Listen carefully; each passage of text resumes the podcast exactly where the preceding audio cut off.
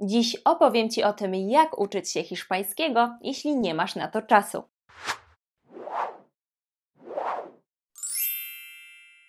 Hola, ¿qué tal? Wiem, że w obecnym świecie wszyscy cierpimy na chroniczny brak czasu.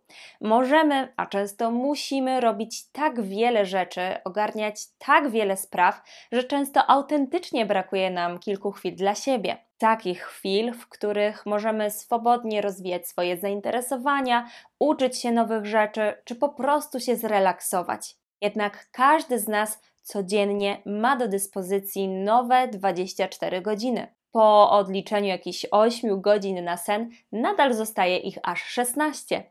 Codziennie mamy szansę na to, żeby uważnie nimi zarządzać, nawet jeśli wcześniej tak nie było.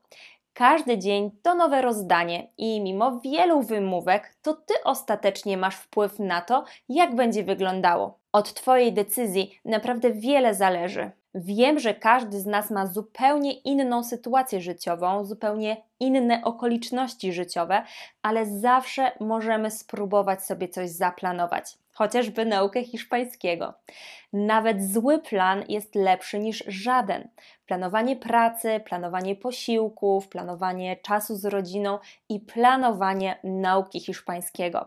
Bez tego naprawdę trudno ogarnąć się w dzisiejszym świecie nie musisz od razu kupować fantazyjnego planera. Jeśli się wkręcisz w planowanie i będziesz go potrzebować, to ok, ale na początek wystarczy kartka papieru, zwykły zeszyt albo po prostu kalendarz Google, z którego ja sama osobiście korzystam i bardzo mi służy. Pomyśl teraz o hiszpańskim. Przecież marzysz o tym, żeby swobodnie się nim posługiwać. Marzysz o tym, żeby podczas podróży czuć się pewnie i wiedzieć, że możesz porozumieć się z lokalsami w ich własnym języku w każdej sytuacji. A teraz bądź ze sobą szczery. Czy naprawdę nie jesteś w stanie zorganizować sobie w ciągu dnia chociaż kilku minut w skupieniu dla swojego hiszpańskiego? Jestem pewna, że jeśli rozsądnie zaplanujesz sobie zajęcia w ciągu dnia, to jesteś w stanie zarezerwować sobie w kalendarzu chociaż takie symboliczne 15 minut na naukę.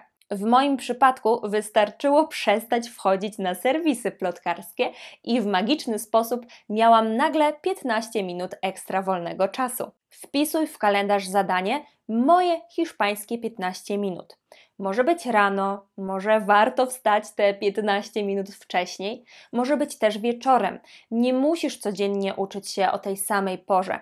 Weryfikuj to i uzupełniaj kalendarz na bieżąco, a nie na pół roku w przód. W nauce ważne jest, aby zachować ciągłość, regularność, ale kiedy będziesz się uczyć, to już jest Twoja sprawa.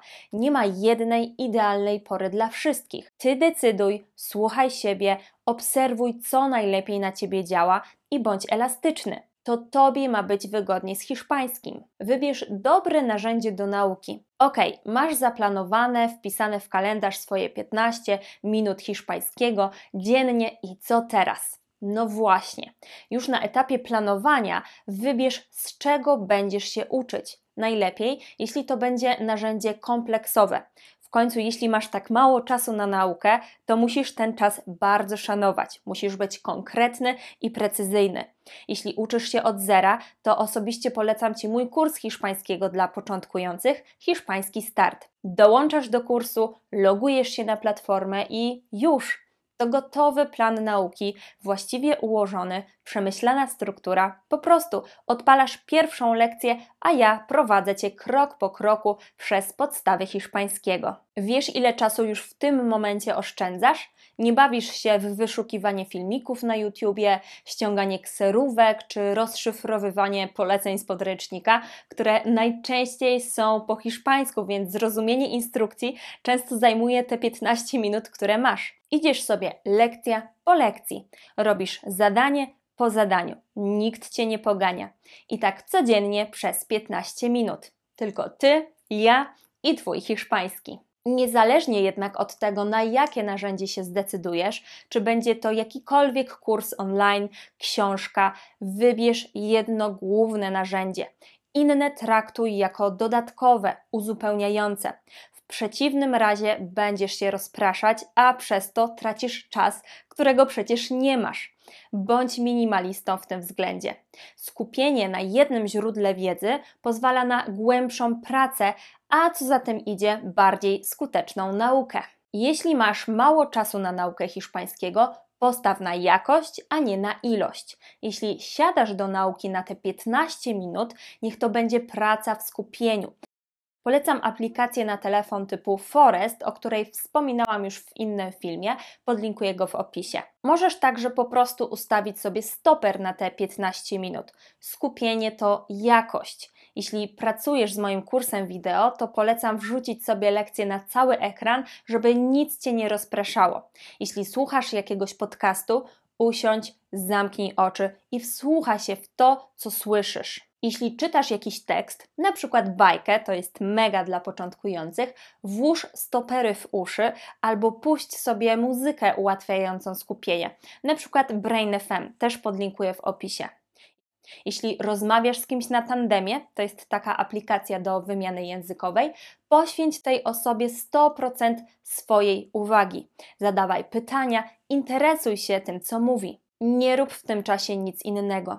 Jeśli masz dzieci, zostaw je pod opieką kogoś innego lub w miarę możliwości zorganizuj im jakieś wciągające zajęcie. Wiem, wiem, nie zawsze tak to działa, w końcu to tylko dzieci, ale pamiętaj, że one naśladują rodziców. Jeśli ty będziesz uczyć się w skupieniu, one zobaczą, że to jest coś, co trzeba powtarzać. W końcu przykład idzie z góry. Nie mówiąc już o tym, że z czasem same będą chciały uczyć się w ten sposób czegoś nowego.